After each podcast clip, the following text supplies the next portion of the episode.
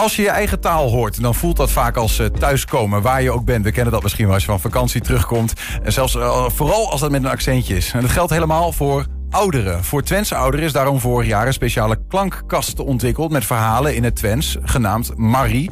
En nu hebben de initiatiefnemers een versie gemaakt voor ouderen... met een Turkse achtergrond. En die klankkast heet Meral. De eerste staat in Hengelo. En initiatiefnemer Lubert Priems is, bij ons. Lubert, goedemiddag. Goedemiddag. Miral en Marie. Ja, twee goede zussen, hè? Twee goede zussen. Ja, ja, die passen gewoon al bij elkaar. Ja, Wie zijn het?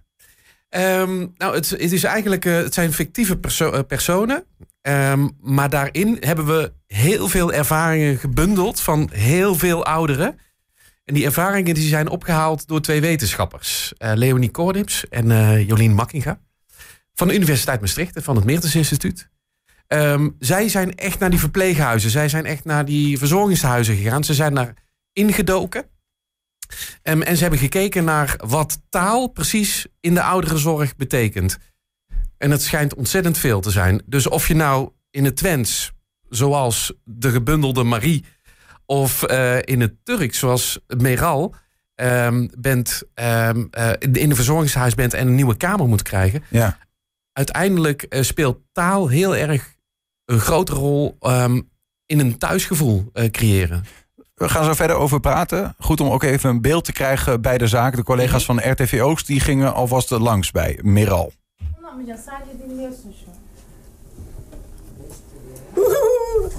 Ja, ja.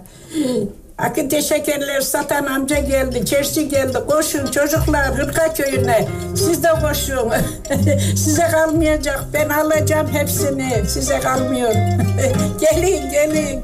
Ondan sonra amca bana 5-10 tane ayır. Toen we eerste keer hier hebben gezet, we merkten gewoon dat de tantes hier kwamen. Ze deden de deuren open. Ze begonnen te huilen. En dat ze helemaal teruggingen naar hun jeugd, naar de kindertijd. Nou, dat was prachtig om te zien. Çocukluğumu hatırladım. Gençken çocuğuken ne yaptıysam onlar geldi aklıma. Çok güzel, iyi bir şey. Ja, alle herinneringen uit mijn kindertijd kwamen weer boven, uh, zei die vrouw. Niet omdat ik goed Turks kan, maar omdat er ondertiteling onder zat voor de luisteraar. Um, ja, Lubert, wat, want wij, wij, ja, voor mij is dit onverstaanbaar. Wat, wat horen die mensen nou uit die kast komen? Ja, dus we hebben een speciale kamer ingericht. En daar staan tweedehands kasten. Alsof het de ouderen zelf zijn. Dus deurtjes scheef. Hier en daar een krasje op het tafelblad. En als je dan een kastdeur opent in die ruimte. Dan begint Meral tegen jou te praten. Inderdaad, in het Turks. kan zelf ook geen woord Turks. Echt niet. Um, uh, maar ik ben wel in die cultuur gedoken. En het, het tekstschrijfster Jacqueline Kerkhoff uh, en ik, wij zijn uh, echt die verhalen ook, met name van de Nederlanders met Turkse achtergrond, ja. gaan oprapen. De eerste arbeidsmigranten. Um, en wat zij dan vertellen is hoe het is om in een verzorgingshuis te wonen. Mm -hmm. Welke dingen dat je tegenkomt. Sowieso een taalbarrière. Um, maar ze vertellen ondertussen ook, Meral vertelt ook hoe het vroeger was. Hoe het was om in Nederland aan te komen en voor de allereerste keer bijvoorbeeld een kast te krijgen. Ze luisteren in de spiegel eigenlijk. Ja, en, maar dat geldt ook zeker voor zorgmedewerkers. Dus het is en ontzettend tof voor deze groep ouderen ja. uh, om dit te doen. Omdat ze inderdaad teruggaan naar hun kindertijd bijvoorbeeld. Of omdat ze dingen herkennen wat ze nu meemaken. Maar het is ook heel tof voor zorgmedewerkers. Omdat er een soort spiegel uh, inderdaad wordt voorgehouden.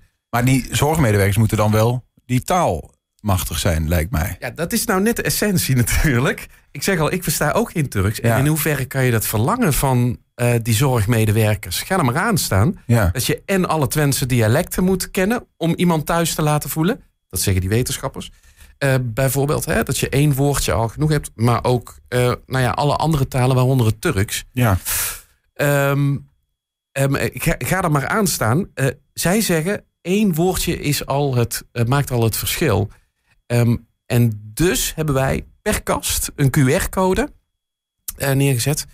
Als je die inscant, dan krijg je, ook al versta je geen Turks, de dochter van Meral uh, te horen. Die vertaalt. En die vertaalt. Die zegt inderdaad, het maakt helemaal niet uit dat je geen Turks kan. Ja, ja. Ik vertel even wat mama zegt. Maar goed, je, dus je, je, je maakt die kast voor die ouderen zelf. En ook in Twente zijn natuurlijk behoorlijk wat ook Turkse gastarbeiders. Die, ja, uh. Nou ja, maar je, je hebt ook dus voor die verzorgers om, nou, luister daar eens naar, voel eens, hoe is, hebben die mensen dat ervaren? En misschien kun je nog een woordje Turks meepikken die je dan aan die mensen zelf ook kunt.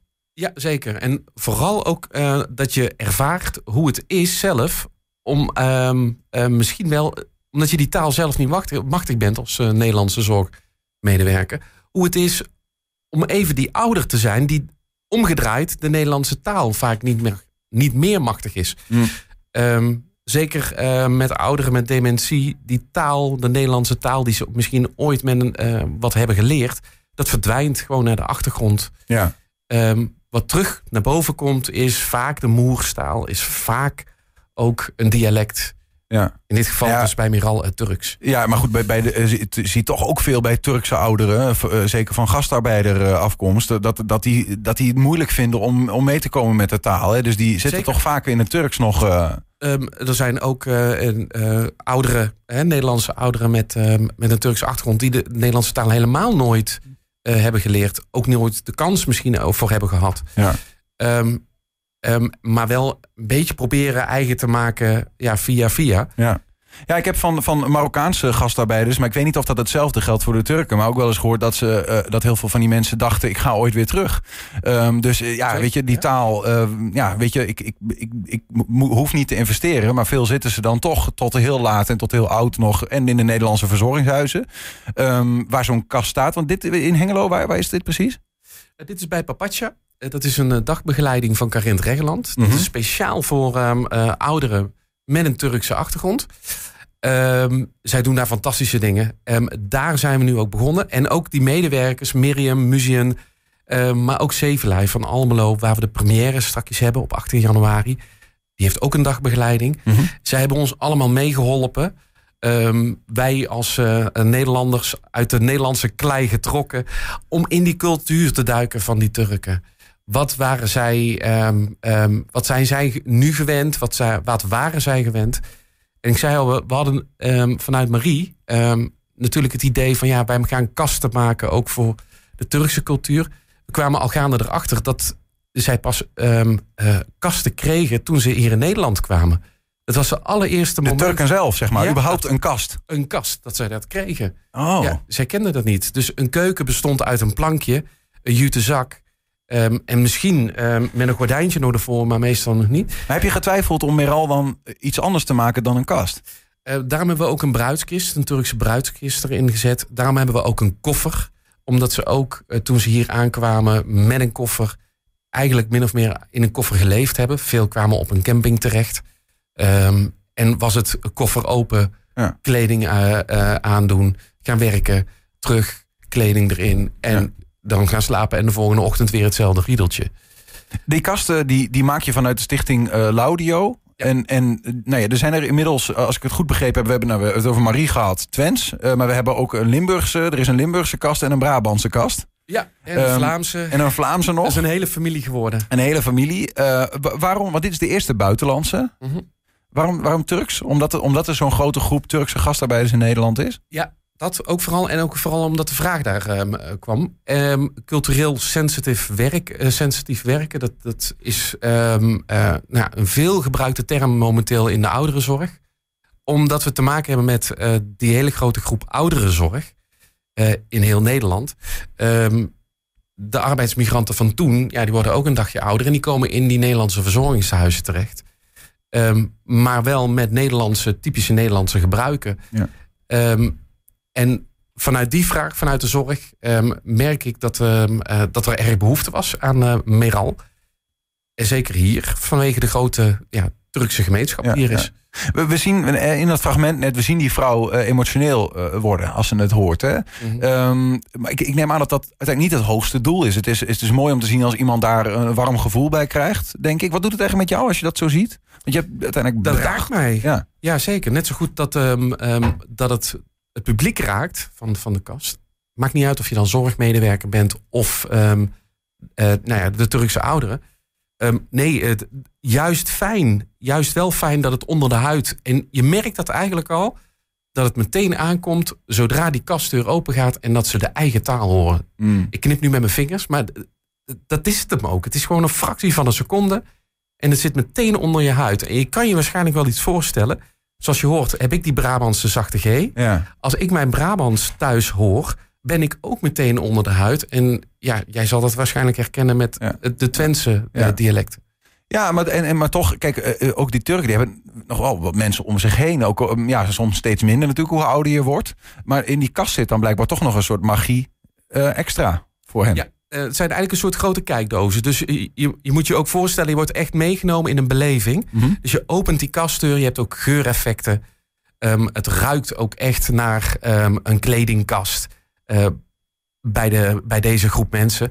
Ehm, die leggen heel graag mottenballen erin. Dus dat ruik je ook echt eh, compleet. En bij Marie is het eh, natuurlijk Eau de Cologne eh, 47. Ja, de, Twentse, wat- de Twentse variant. de Twentse variant. Ja, ja. Dus daar zitten de verschillen Ja. in. Maar we werken met geureffecten, met lichtanimaties. Dus het is echt een De beleving. omgeving, wat je al zei, het zijn verschillende typen eh, waar het geluid uitkomt. Maar de omgeving is helemaal op- erop ingericht. Ja, zeker. Ja. Absoluut, ja zeker. Ja. Wat we uiteindelijk natuurlijk, dat het een, ehm, eh, een emotie teweeg brengt, is mooi. Maar dat het een verhaal, een volgend verhaal teweeg brengt, dat is helemaal tof. En ja, dat gebeurt. Eh, Wat bedoel je daarmee? Een verhaal? nou ja, d- ehm, Meral vertelt een verhaal en Ja. vervolgens ehm, levert het een ander verhaal op. ehm, Want die ouderen beginnen zelf hun verhaal te delen. Ja, zij hebben of herinneringen, of ze beginnen inderdaad te vertellen: ja, maar dit herken ik, dit wil ik ook niet meer.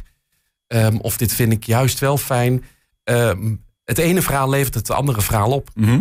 Ja, en dat is heel mooi. Eh, nou, die ouderen, die reactie zien we. hè, Maar die zorgmedewerkers dan, wat hoor je van hen terug? Want je vraagt eigenlijk ook aan hen van ja, eh, ehm, kijk eens of luister eens in die spiegel. Dit is, Mhm. dit is eigenlijk hun verhaal. Dit is het verhaal van die Turkse gastarbeiders. Eh, Wat, wat, wat zeggen ze dan?